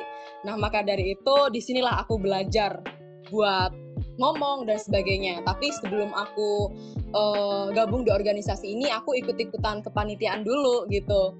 Nah terus beruntungnya lagi di di Alpmo ini aku dipegangin oleh menteri aku nih, Menteri Sega buat jadi PJ-nya Alpmo FM. Nah ini merupakan kesempatan besar banget buat aku uh, untuk belajar lebih dalam ya soal public speaking itu sendiri, begitu real. Mantap, nah jadi iya. uh, sebelumnya juga hmm, sebelumnya aku juga masih belajar juga loh real aku sebenarnya kayak merasa merasa apa ya merasa insecure banget kalau kamu tadi ngomong soal profesional atau enggak. Enggak. Jujur sobat bidik misi aku sendiri tuh masih belajar ya di sini. Jadi uh, kalian pun juga bisa belajar gitu loh. Jadi jangan takut untuk memulai. Kita kita nikmatin aja setiap prosesnya begitu. Nah terus kemudian uh, untuk jurnalistik tadi ya kan? Sebenarnya aku juga masih belajar itu. Jadi di sini aku uh, mengembangkan lagi dengan tentunya untuk konsisten itu um, aku mengasah-ngasah lagi bagaimana kita latihan menulis dan sebagainya. Jadi memang diperlukan suatu uh, konsistensi yang tinggi begitu loh untuk mencapai sebuah uh, ekspektasi yang kita inginkan gitu.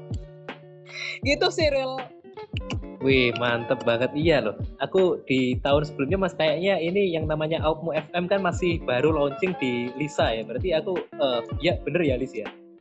Iya bener banget. Jadi uh, Aupmu FM ini itu kayak mengadaptasi ya. Jadi merupakan sebuah produk dari adaptasi di situasi pandemi kayak gini. Jadi gimana sih ya kita itu masih bisa menyesuaikan di pandemi ini dengan cara inovasi. Nah, maka dari itu lahirlah di sini Almo FM sebuah podcast untuk uh, ya kita sharing-sharing lah soal uh, bidik misi tentunya dan juga eh, hal-hal uh, yang di sekitar kita begitu. Nah, seperti kayak hal-hal di sekitar kita ya. Jadi kayak seperti kita ini yang bijang-bijang soal prestasi kita di bidik misi begitu. Jadi gak jauh-jauh gitu real soal bidik misi Oke, keren banget nih Kak Lisa. Jadi aku jadi ikut apa ya? Jadi ikut terbawa hawa-hawa kerennya Kak Lisa nih. Moga-moga aja ya Kak ya aku bisa nyusul sama Kak nyusul Kak Lisa. Soalnya gini loh, ini kan broker yang namanya broker apa itu Aupu FM ini merupakan broker baru dan uh, dengan sangat lancar, dengan sangat bagus, dengan inovasi yang sedemikian rupa. Jadi kayak anti mainstream dan uh, ke depannya Aupo tentu butuh orang-orang seperti Lisa ini sendiri nih salah satunya seperti itu keren bisa. Banget real oh sebenarnya aduh ini yang lebih terinspirasi itu sebenarnya aku real dari sosok kamu ya yang udah cerita banyak tadi soal uh, memaksimalkan potensi diri kita gitu. Aduh ini sumpah aku rasanya kayak apa ya tertampar gitu loh melihat ceritamu tadi. Dan tentunya untuk Alpma FM sendiri itu gak hanya dari inovasi yang aku buat, tapi di sini juga ada tim-tim yang yang membuat Alpma FM ini semakin inovatif gitu. Jadi kayak ada editornya dan segala macamnya itu. Oke Riel, kita nyambung lagi ya ke tema kita tadi nih. Nah tadi uh, kamu udah tanya-tanya nih soal aku tadi. Nah sekarang kita uh, Nah sekarang kita uh, kembali nih real ya ke perbincangan kita soal soal apa namanya tema kita pada episode 5 Outmo FM ini. Nah jadi kan kamu udah jelasin kan soal kiat-kiat tadi, terus uh, dorongan dan motivasi kamu, eh sama aja ya dorongan sama motivasi. Maksudnya uh, motivasi sama passion kamu itu. Nah, serial yang aku lihat ya di mahasiswa di kalangan mahasiswa itu sendiri kadang ada yang gini nih. Jadi misalnya gini, aku tuh aku milih organisasi aja deh, soalnya dari sini aku bisa ngembangin uh, prestasi non akademik aku gitu. Nah, jadi dari organisasi ini uh, kadang seseorang itu bisa keblinger gitu loh. Jadi mereka itu kayak gak bisa meraih prestasi secara akademiknya. Jadi memang fokus aja tuh sama uh, organisasinya. Nah, terus di lain sisi ada orang yang kayak ambis banget, ambis di akademiknya. Jadi dia itu fokus di akademiknya aja sehingga gak ikutan organisasi ya demi mewujudkan ambisnya itu. Nah, pertanyaan itu uh, apakah kita itu harus fokus di salah satunya? Atau mungkin uh, kalau misalnya kedua-duanya bisa, kenapa enggak? Seperti kamu sendiri, Ril?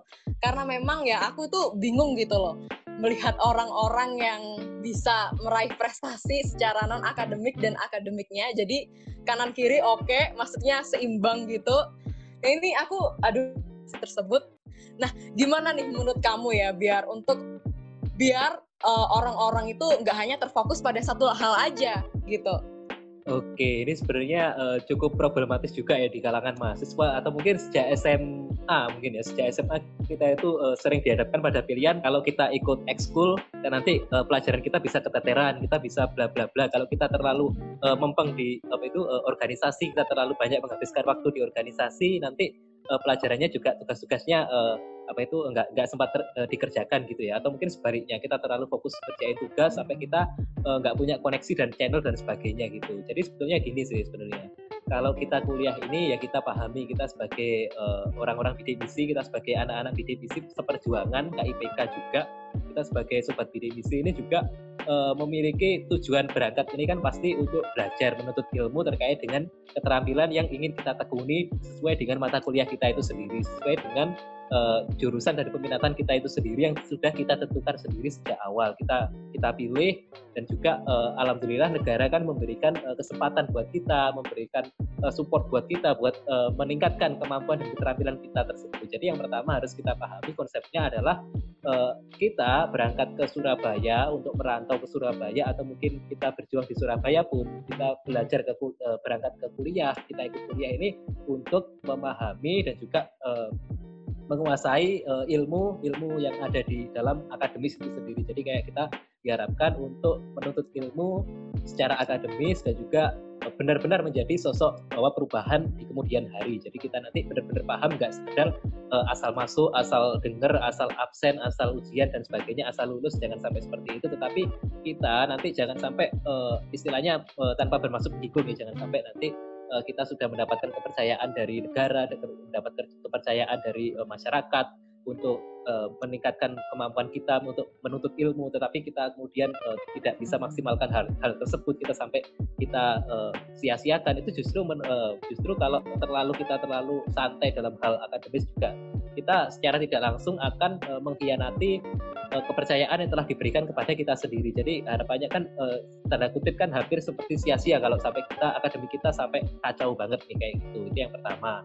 Jadi dari situ kita minimal uh, kita harus punya patok patokan gimana uh, batas batas kita terhadap akademis ini seperti apa, batas toleransi kita terhadap dalam bidang akademis ini seperti apa. Karena kalau kita terlalu fokus juga ya kita akhirnya menghabiskan waktu untuk satu hal itu aja dan kita cenderung hanya berkembang dalam satu hal. Sedangkan kita hidup ini tidak bisa kita hanya mengandalkan uh, satu hal saja. Kita perlu untuk berbagai aspek yang kita kuasai. Tidak bisa kita hanya memiliki uh, kemampuan akademis yang bagus saja tanpa diimbangi kemampuan-kemampuan yang lain karena kita hidup dalam dunia yang kompleks. Jadi dari hal tersebut uh, kita juga harus pahami bahwa kita tetap nggak uh, nggak boleh terlalu maksimal uh, bukan nggak boleh sih kuliah tetap harus fokus karena jangan sampai juga uh, di satu sisi ada juga kan yang yang apa itu uh, merasa bingung kalau apa itu merasa terlalu banyak ikut organisasi mereka yang terlalu asyik dengan berorganisasi sampai-sampai uh, kuliahnya nggak nggak bisa maksimal sampai-sampai tugasnya nggak bisa dikerjakan sampai-sampai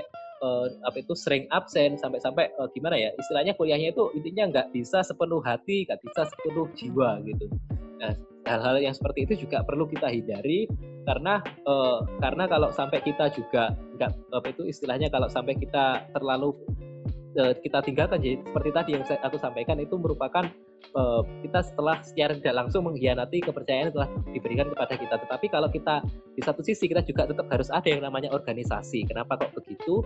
Ya karena kalau tanpa kita beror dari berorganisasi ini kita akan belajar gimana cara kita itu berinteraksi dengan orang-orang lain, dengan orang-orang di sekitar kita, dengan orang-orang yang uh, memiliki tujuan dan visi misi yang hampir sama dengan kita sendiri. Jadi gimana cara cara kita bisa bekerja sama, bisa cara kita bisa uh, apa istilahnya toleransi dengan orang-orang yang uh, dalam uh, tanda kutip pasti uh, berbeda-beda lah, pasti saling uh, berbeda-beda dan juga nggak akan uh, memiliki uh, jarang sekali untuk bisa langsung uh, setuju dengan suatu pemahaman. Pasti ada kalanya terjadi uh, beberapa hal terjadi uh, gesekan-gesekan perbedaan pendapat atau mungkin hal-hal uh, tertentu. Dan itu uh, merupakan hal yang sangat wajar. Dan dari situ kita belajar bahwa oh ternyata orang-orang ini ada yang sifatnya seperti ini dan cara menghadapinya seperti ini. Oh ternyata orang yang sifatnya kalem itu jangan sampai uh, dibuat tersinggung karena begini-begini dan sebagainya. Jadi hal-hal uh, seperti itu akan kita dapatkan dengan kita uh, mencoba pengalaman uh, berorganisasi itu sendiri. Jadi kayak uh, penting banget buat kita kenapa harus punya pengalaman organisasi. Kita selain selain itu, selain selain dengan keterampilan pemahaman terhadap cara kita berinteraksi dengan lingkungan, itu kita juga belajar yang kedua yaitu uh, kita meningkatkan koneksi kita. Jadi kita nanti nggak mungkin uh, kita hidup tanpa koneksi sangat sulit sekali ya karena dalam tanda kutip uh, kita bisa makan dalam tanda kutip dari koneksi itu sendiri. Karena gini uh, kebanyakan dari kita menemukan pekerjaan dari adanya koneksi. Entah itu koneksi yang ada di media sosial atau entah koneksi dari teman kita atau mungkin entah koneksi dari saudara kita dan ataupun apa pun itu atau dari dosen kita dan sebagainya dan uh, berbagai orang di sekeliling kita itu uh, itu awalnya tercipta koneksi di antara kita dan mereka. Dan dari koneksi itu bisa lahir peluang-peluang baru. Jadi kayak ada oh teman kita yang dalam bidang A gitu misalnya mereka uh, bilang ke kita, kasih informasi ke kita, real ini ada job di sini, kamu mau tak gitu. Jadi kalau mereka uh, kita kenal semakin kenal banyak orang, itu akan memperbesar memperbesar peluang kita untuk uh, mendapatkan kesempatan-kesempatan baru gitu ya. Terlepas dari adanya kemungkinan kita juga uh, semakin kenal banyak orang juga uh, banyak juga orang-orang yang sekiranya enggak uh, nggak konstruktif buat kita malah justru destruktif atau tanda kutip justru toksik tapi uh, lupakan yang hal itu karena kita fokusnya untuk hal-hal positif aja. Jadi kayak dari koneksi kita dapat kesempatan entah nanti kita kan nggak tahu nanti tiga tahun tiga tahun ke depan setelah kita dua dua atau tiga tahun ke depan setelah kita lulus nanti kita itu uh, gimana posisinya terus IPK kita berapa terus uh, istilahnya kayak uh, peluang kerja kita yang paling bisa itu apa terus juga uh, kira-kira kita kan juga nggak tahu teman-teman kita ada lowongan nggak kira-kira nah, dari teman-teman dari guru-guru dari dosen dari siapa pun itu kita harus menjaga interaksi dengan baik dengan baik kita harus menjalin seluas-luas mungkin untuk uh, memperluas kesempatan kita. Jadi itu kenapa organisasi juga penting. Jadi uh, kalau dibilang berapa persen berapa persen antara organisasi sama akademis, jadi menurutku itu tergantung dengan preferensi kita sendiri-sendiri. Tapi yang penting kita harus uh, menerapkan batas toleransi terhadap akademis kita. Jadi kita nggak jangan sampai pokoknya targetnya jangan sampai seumpama ya seumpama saja jangan sampai IPK ku di bawah 3,5 seumpama itu jadi apa pun yang terjadi harus meningkat. Kalau ada penurunan berarti uh, perlu dievaluasi dan dirubah beberapa hal-hal tertentu gitu kayak gitu. Jadi kayak uh, gimana cara kita supaya bisa dua-duanya ya kita menerapkan apa ya prinsip keadilan. Dalam arti keadilan gimana sih yang disebut dengan adil antara uh, kegiatan non akademis dengan kegiatan akademis itu sendiri? Gimana caranya supaya adil? Yaitu cara kita adalah uh, dengan memahami uh, dengan mena menaruh keduanya dalam prioritas yang tidak apa itu tidak berbeda secara signifikan. Jadi uh, dalam skala prioritas skala yang hampir sama, hampir seimbang. Jadi kayak ada saatnya kita itu uh, mengikuti organisasi, ada saatnya kita itu memanfaatkan waktu-waktu kita untuk uh, mengikuti mengupdate diri kita untuk meningkatkan keterampilan kita melalui organisasi, melalui kegiatan, melalui lomba dan sebagainya. Tapi di satu sisi uh, ada juga ada kalanya uh, organisasi juga kadang kala perlu kita tinggalkan juga dalam hal-hal tertentu yang memang sifatnya itu mendesak untuk akademis itu sendiri. Jadi uh, hal ini merupakan gimana cara kita supaya bisa uh, lebih adil yaitu dengan uh, menaruh dalam porsi yang hampir seimbang, hampir hampir sama dan juga nggak terlalu berat sebelah. Karena kalau terlalu uh, itu sulit untuk mengatakan adil kalau ketika itu uh, kita terlalu berat sebelah dengan uh, salah satu dari di antara keduanya itu sendiri. Jadi kayak lebih uh, kalau sudah ikut akademis touring berarti ya, oh berarti ini waktunya aku ikut uh, organisasi ya, agak agak nyantai dikit organisasi. Kemudian kalau udah padat banget organisasinya, oh ditolak dulu jobnya ke depannya satu minggu ke depan semua job kita tolak gitu. Jadi kita ikut kita fokus ke akademik dulu, kita pulihkan lagi. Jadi kayak naik turun itu wajar ya dalam bidang akademis maupun organisasi ataupun apa pun itu naik turun itu hal wajar. Yang yang penting adalah bagaimana cara kita mengusahakan supaya naik sama turunnya itu, itu tetap dalam eh, batas-batas toleransi kita sendiri. Kayak gitu sih Nisa. Oke, mantap banget nih. Jadi intinya itu memang harus ada prinsip keseimbangan ya atau menurut kamu itu kayak prinsip keadilan gitu. Oke, Real. Jadi uh, terakhir sih dari aku ini ini agak nyerempet juga sama tema, cuman gini uh, kita itu ya mahasiswa itu dihadapkan suatu pada suatu problematika ya. Dari kamu sendiri tadi kan uh, udah banyak prestasi nih tentunya gak jauh-jauh lah sama suatu kegiatan itu yakni membaca gitu kan. Nah tapi uh, kita lihat krisis baca itu sendiri uh, apa ya masih kurang gitu loh. Maksudnya nah jadi uh, bagaimana sih mahasiswa itu bisa apa ya bisa rajin membaca tentunya? Karena dari membaca itu yang menyokong prestasi kita begitu. Nah dari Ariel sendiri ini yang tadi sibuk organisasi terus uh, kuliah online ini gimana sih kamu um, menyimbangkan kegiatan membaca ini? Karena jujur sih dari aku sendiri tuh kadang padahal gini ya aku tuh udah konsisten udah menerapkan konsisten untuk baca tapi kadang gara-gara kayak suatu organisasi gitu aku jadi apa mangkir gitu dari dari konsistensi aku sendiri. Jadinya kadang aku dua hari nggak baca loh. Ya ampun sumpah sedih banget kadang itu. Nah dari kamu sendiri tuh gimana Cyril uh, kita itu bisa konsisten dalam membaca di mana ini merupakan penting banget gitu saran sebagai sarana untuk menyokong prestasi begitu Waduh, kalau pertanyaan urusan konsistensi membaca ini sejujurnya ya kalau aku sendiri kurang pantas juga sih kalau mau menjawab secara langsung. Tapi uh, ya nggak apa-apa lah, aku coba jawab aja barangkali siapa tahu uh, bermanfaat gitu ya. Mungkin uh, yang pertama kita bagaimana uh, men, uh, yang pertama kita perlu untuk menanamkan rasa cinta terhadap uh, kebiasaan membaca ini sendiri. Jadi gimana cara kita supaya kita itu bisa uh, suka dengan kebiasaan membaca itu adalah dengan kita mengetahui ilmu-ilmu uh, apa saja yang akan kita pelajari, kemudian juga kita mengetahui kenapa kita mempelajari hal tersebut. Jadi ada kalanya kita itu uh, malas untuk membaca kalau dari segi motivasi ya. Kalau dari segi motivasi ada kalanya kita malas membaca karena kita itu nggak tahu apa yang sedang kita baca. Dalam tanda kutip bukan nggak tahu objeknya apa nggak bukan seperti itu. Tapi kita itu tidak mengetahui ini tuh untuk apa fungsinya kemudian ini itu seberapa penting untuk kita baca kemudian secara mendalam lagi itu manfaatnya untuk kehidupan kita ke depannya seperti apa untuk uh, karir jenjang karir kita ke, uh, ke depannya seperti apa. Hal-hal seperti ini yang kadang-kala kita tidak miliki sehingga kita itu membaca itu seperti sekedar membaca saja tapi kita itu tidak uh, membaca dengan hati. Jadi istilahnya membaca itu perlu juga dengan perasaan. Jadi dalam hal-hal tertentu kita itu perlu memanfaatkan perasaan kita menggunakan perasaan kita untuk mencapai uh, apa ya untuk meningkatkan motivasi bagi diri kita sendiri. Jadi kayak kita uh, baca buku kan sekedar baca gitu aja.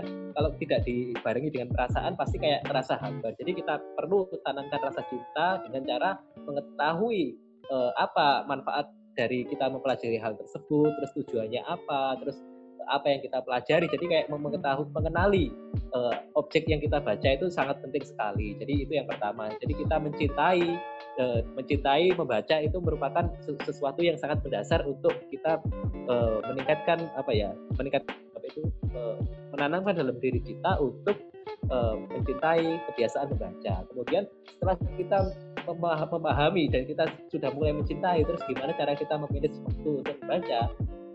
Nah ini merupakan eh, hal-hal uh, yang sebenarnya uh, cukup kadang saya saya sendiri jujur saya sendiri tidak apa ya tidak mengada-ngada tapi saya sendiri juga uh, beberapa kali sering saya ini juga uh, sehari lost uh, tidak membaca kehilangan kesempatan untuk membaca karena uh, ya karena lagi ingin ingin bersantai karena ingin hal-hal uh, yang apa ya istilahnya tidak ingin terlalu fokus dalam hal tersebut. Jadi kayak ada kalanya juga uh, istilahnya kayak iman ya. Iman kita itu kadang ada kalanya naik ada kalanya turun. Jadi hal itu merupakan hal yang wajar. Cuman bagaimana cara kita yang, yang terpenting bukanlah bagaimana kita itu bisa membaca terus menerus uh, apa itu kalau menurut aku ya. Kalau menurut aku bukan yang terpenting bukan cara, cara kita supaya bisa membaca tanpa berhenti artinya kita harus bisa konsisten terus tapi yang terpenting adalah bagaimana cara kita berusaha untuk uh, konsisten. Jadi bukan konsistennya tapi berusaha untuk konsisten. Jadi dua hal itu berbeda. Gimana sih caranya berusaha untuk konsisten? Yaitu dengan uh, istilahnya kita itu membuat agenda. Kalau aku sendiri biasanya itu bikin agenda ya. Jadi kayak uh, buku ini uh, tebalnya sekitar 200 halaman nih, misalnya seperti itu. Oh ini berarti dua hari aja kalau uh, bisa kalau agak nyantai tempo pelan dua hari selesai ini istilahnya kayak gitu. Jadi kayak setiap waktu luang itu uh, organisasi kiranya uh, juga aku lihat waktunya oh organisasi lagi santai nih nggak ada nggak terlalu padat agenda. Jadi kayak oh berarti lagi santai berarti aku langsung bikin target. Biasanya kayak oh buku ini tak lihat buku ini ada 200 halaman berarti dua hari selesai dong kalau lagi santai gitu. Tapi kalau lagi sibuk juga ya apa itu uh, apa itu kadang juga sempet nggak baca juga. Tapi uh, targetnya biasanya aku turunin sih. Biasanya kayak apa ya istilahnya kayak buku ini 200 halaman tapi kalau lagi sibuk ya juga.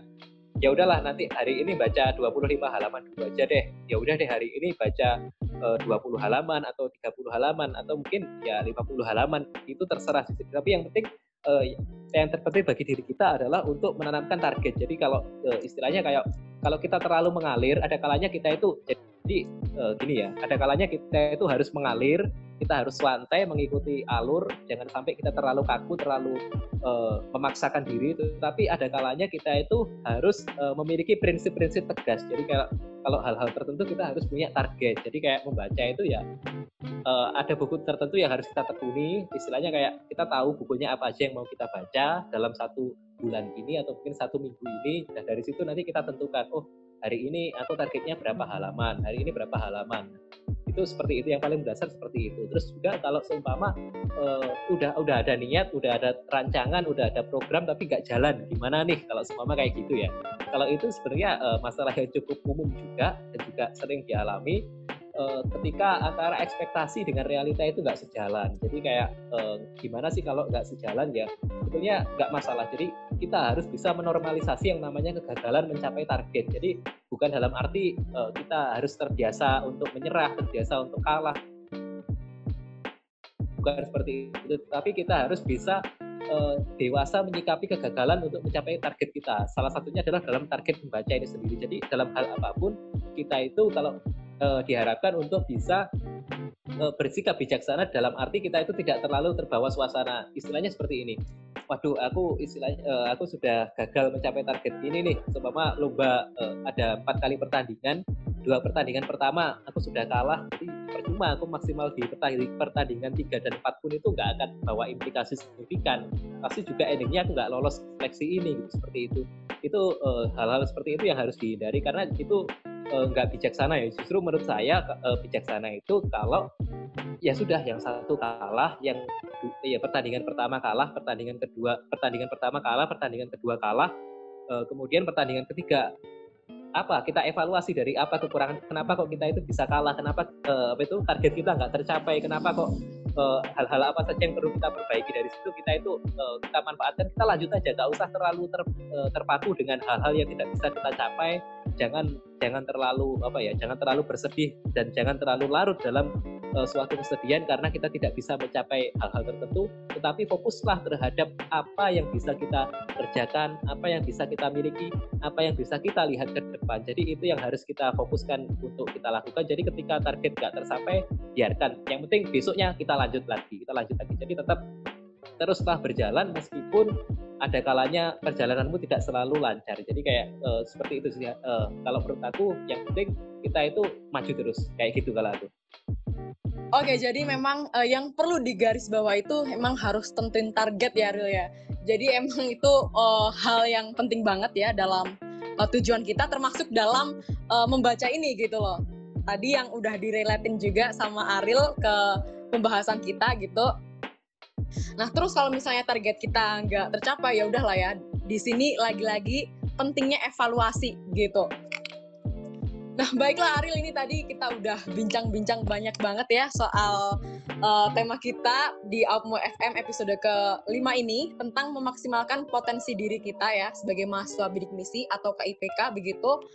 Nah, ini aduh banyak banget yang udah dikasih oleh Aril ya ilmunya yang di-share ke kita semua terus aku juga berhasil mengorek-ngorek ini uh, sosok seorang Ariel gimana sih uh, motivasinya, passionnya gitu. Nah jadinya apa ya bisa bikin kita termotivasi juga begitu. Terima kasih banyak Lisa. Aku jujur uh, sedikit closing statement ya. Aku jujur uh, bangga banget uh, berterima kasih sekali kepada teman-teman yang sudah uh, teman-teman dari Aupmo FM ini yang sudah memberikan kesempatan untuk sharing-sharing. Kemudian juga uh, sebelumnya aku juga uh, bersyukur ya bisa mendapatkan kesempatan apalagi bisa berbincang-bincang dengan uh, MC handalan kita uh, Lisa. Pasti uh, seneng lah, pasti rasanya itu kayak ada kebanggaan tersendiri dan juga nggak uh, lupa juga uh, tadi yang aku sampaikan itu pasti banyaklah kekurangan atau mungkin uh, banyak perbedaan pendapat ya mungkin atau mungkin prinsip-prinsip yang mungkin perlu diluruskan atau mungkin apa pun itu uh, saya sangat terbuka terhadap masukan nanti bisa uh, barangkali uh, sudah memfollow Instagram saya, jangan lupa ya. Jadi kalau barangkali nanti sudah memfollow Ariel underscore tadi, nanti bisa DM real kamu begini begini begini. Eh, ada yang ada masukan begini begini atau mungkin ada mungkin pengen sharing sharing atau pengen kerjasama apa pun itu uh, pasti silakan hubungi uh, di kontak tersebut. Jadi jangan lupa, saya juga ini sambil mengendorse ya teman-teman. Makasih banyak uh, Sobat Bidik Misi, semangat di mana pun kalian berada. Uh, kapan pun kalian uh, merasa kesulitan, ingatlah sejauh mana kalian telah berjuang. Terima kasih. Uh, makasih juga Lisa, uh, aku kembaliin. Oke Ariel tuh tadi ya jangan lupa follow IG-nya. Nanti mungkin teman teman-teman bisa ngasih feedback di situ ya ke uh, Mas Ariel ini ya atau mungkin kalau misalnya masih sungkan-sungkan begitu mungkin bisa DM di IG-nya Almo uh, bidik misi Unair ya di situ kalian bisa ya sambil ngasih saran kritik lah ke Almo FM ini agar bisa lebih baik tentunya dan uh, Ariel ini tadi aku juga Tadi uh, aku juga bangga banget Loril ini bisa ngundang kamu, bisa ngomong sama kamu secara langsung di sini. Ya kamu uh, apa ya? Jadi kayak Opmo FM tuh uh, sukses gitu loh, bisa uh, membawakan uh, Ariel Ciptadi di sini untuk memotivasi ya sobat bidik misi semuanya yang wah, dengerin wah, FM tentunya. Oke, okay. baiklah sahabat bidik misi, uh, terima kasih banyak udah dengerin Aukmo FM di episode kelima ini.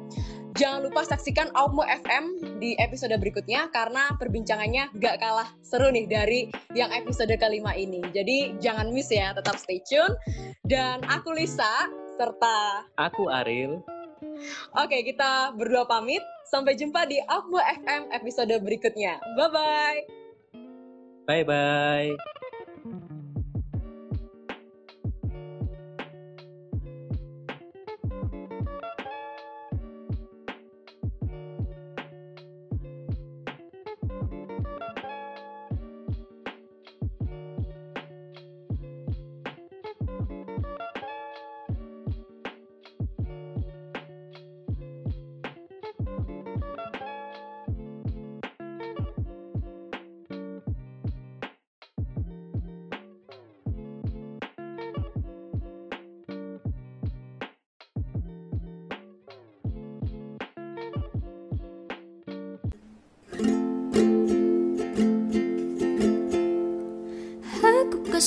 Dengan jarak yang selalu memisahkan kita hingga aku hanya bisa berbincang denganmu di WhatsApp. Aku kesal dengan waktu yang tak pernah berhenti bergerak barang sejenak agar ku bisa menikmati